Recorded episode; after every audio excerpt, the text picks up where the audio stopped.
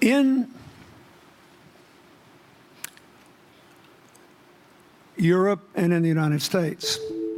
Året er 2015, og den tidligere amerikanske presidenten Bill Clinton har invitert to folk han har skikkelig troa på, til en panelsamtale. I den ene av de to stolene som er satt fram, er Kinas kanskje mest kjente og vellykka forretningsmann, Jack Ma. Og i den andre stolen Elizabeth, for example, she has become wildly popular among those of us who follow things like this. Sitt gründeren Elisabeth Holmes. Absolutely. I, I think the promise of technology is that we can make access to basic infrastructure and På denne tida er hun 30 år, superrik, og verden tror hun er den nye Steve Jobs. Og at hun er i ferd med å skape en helserevolusjon ved hjelp av noen dråper blod. our, our work is in uh, uh, the belief that access to health information is a basic human right.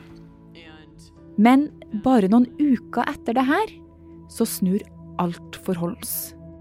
Og nå står hun tiltalt i en av de mest omtalte svindelsakene i USAs historie. She was billed as the next Steve Jobs, but now she's accused of a multi million dollar fraud. Today, ABC's opening statements began in the closely watched trial of the former Silicon Valley star. Hvordan havna hun her? Du hører på Forklart fra Aftenposten, og jeg er Marit Eriksdatter Gjelland. Hyggelig at du hører på.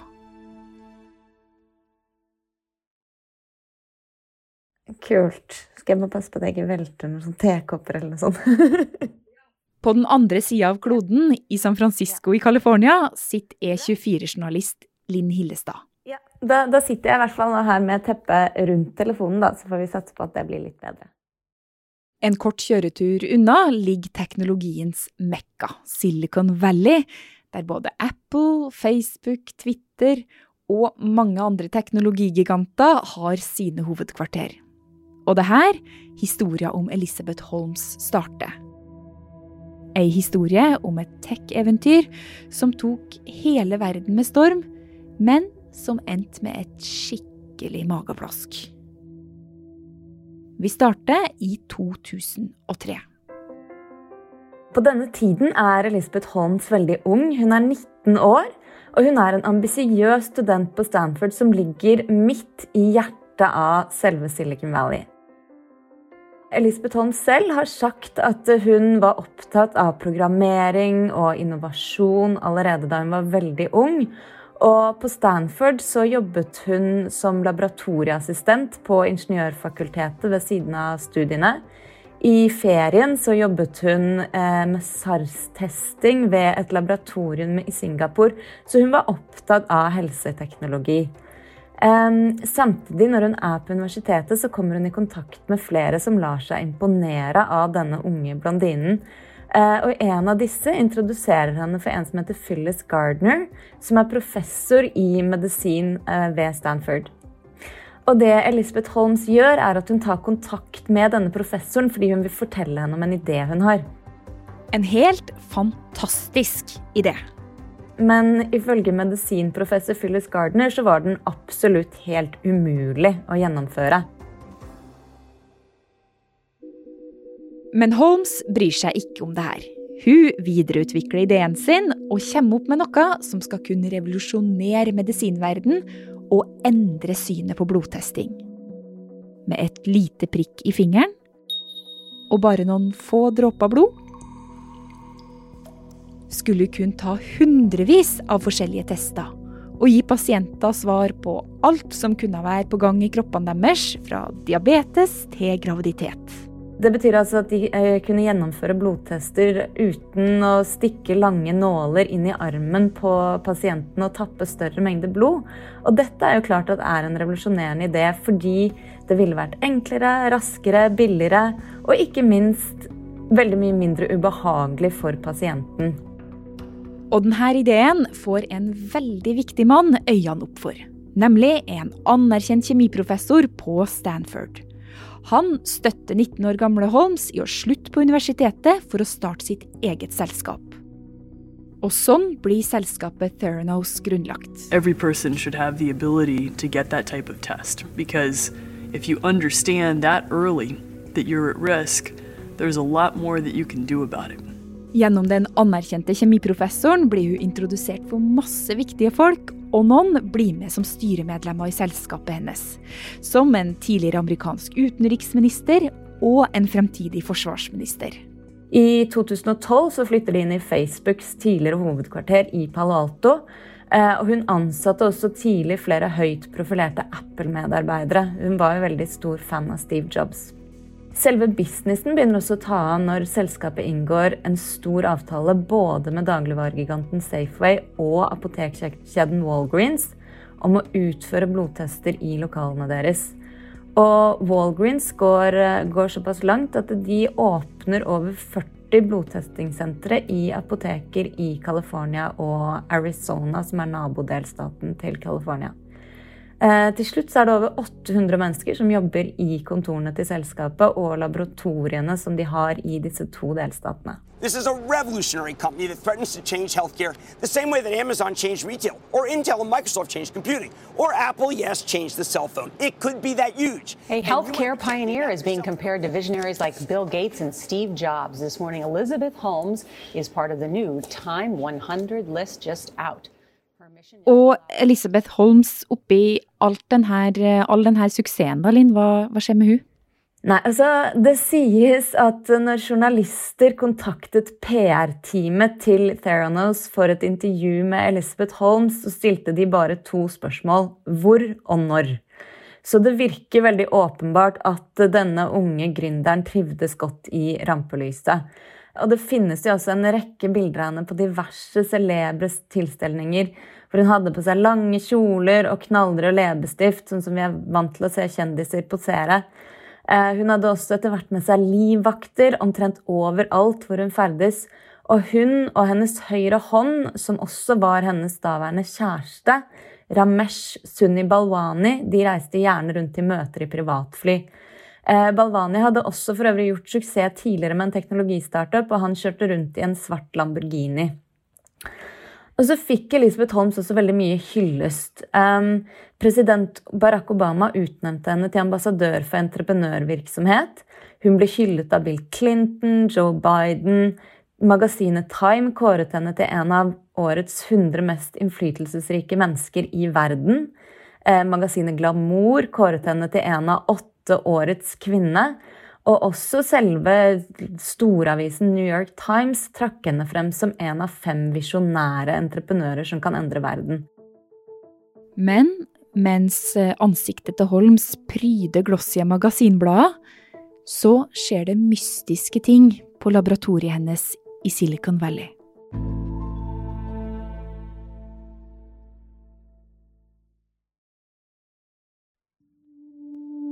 Tilbake i 2010, rett før Theranos-eventyret tar av for fullt, så setter en mann ved navn Kevin Hunter sine bein på fabrikken deres i Silicon Valley. Han har blitt hyra inn av apotekkjeden Walgreens for å undersøke om Theranos teknologi er verdt å satse penger på. Men det er lettere sagt enn gjort for Hunter. Han får faktisk ikke lov til å komme inn i laboratoriet i det hele tatt, til hans store overraskelse. For det er jo ganske vanskelig å undersøke om teknologi fungerer uten at du får se den. Og Hunter fikk ikke se noe ordentlig data i det hele tatt. Han fikk bare se noen luftige grafer, så han var, ble raskt veldig skeptisk.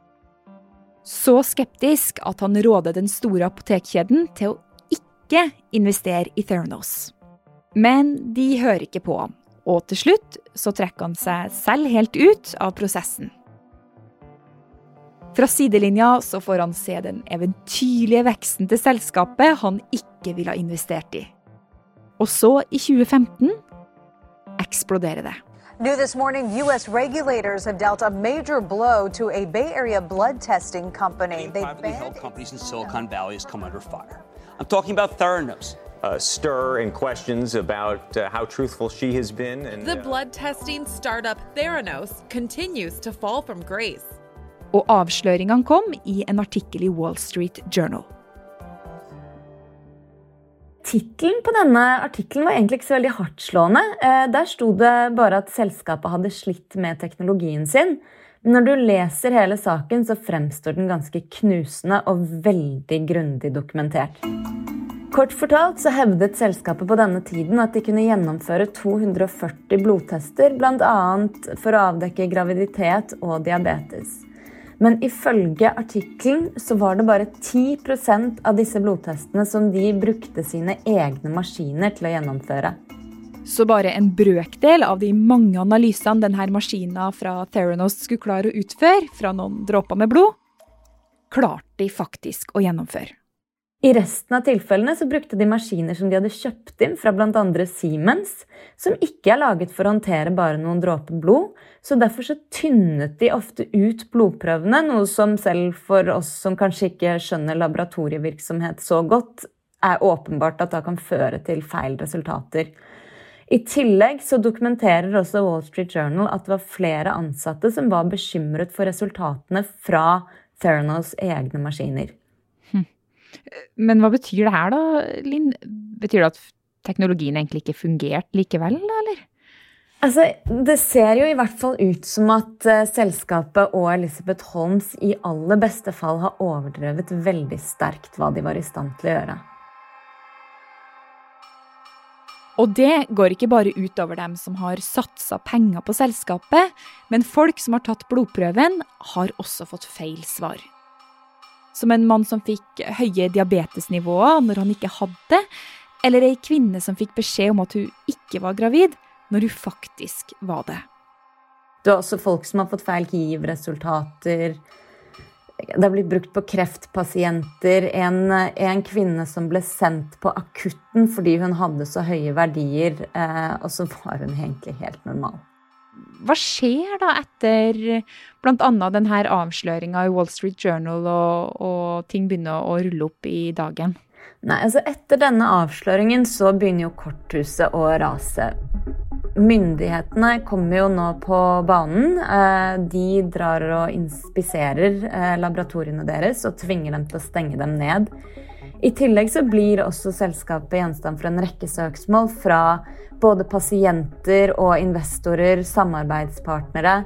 Eh, det blir innledet en kriminaletterforskning, og medarbeidere slutter eller får sparken, samtidig som flesteparten av disse profilerte styremedlemmene trekker seg ut. Men faktisk så holder selskapet det gående helt til 2018 før de stenger dørene for godt. Og det blir altså ingen lykkelig eventyrslutt for Theranos og Elisabeth Holmes. Nå står hun tiltalt for svindel mot investorer og pasienter, og må forsvare seg i en rettssak som varer helt fram til desember. Og det store spørsmålet er om Holmes var klar over at blodprøvene ikke funka og likevel lurte folk, eller om hun bare gjorde så godt hun kunne og ikke fikk det til. Holmes selv mener det siste, altså at hun er uskyldig. Nå under rettssaken så har forsvareren hennes erkjent at hun har gjort enkelte feil, men han sier at det å gjøre feil ikke er en forbrytelse i seg selv. Han sier Holmes hele tida har jobba i troa om at teknologien hennes kun revolusjonerer helseindustrien.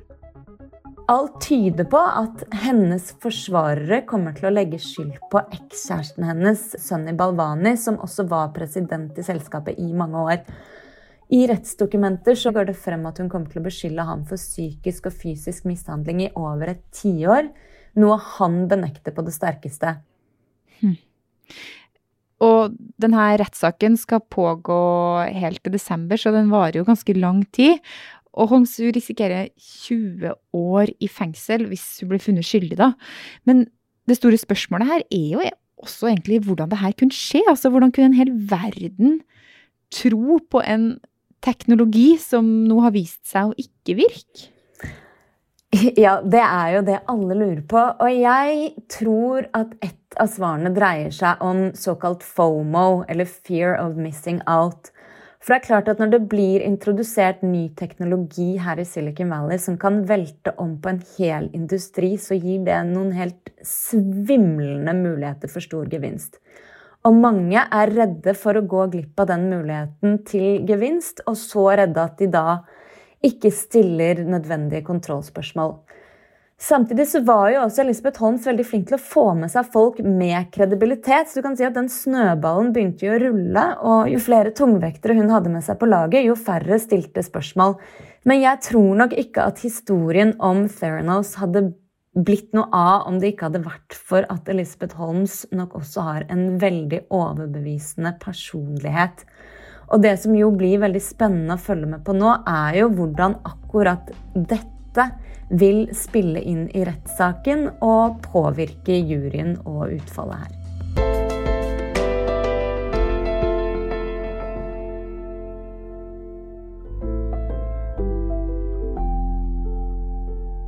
Denne episoden var laga av produsent David Vekoni og meg, Marit Eriksdatter Gjelland. Resten av Forklart er Andreas Bakkefoss, Fride Nesten Onsdag, Anne Lindholm og Guri Leiel Skedsmo. I denne episoden så har du hørt lyd fra CBS, NBC, Time, ABC, PBS og Clinton Global Initiative og Health Hills på YouTube.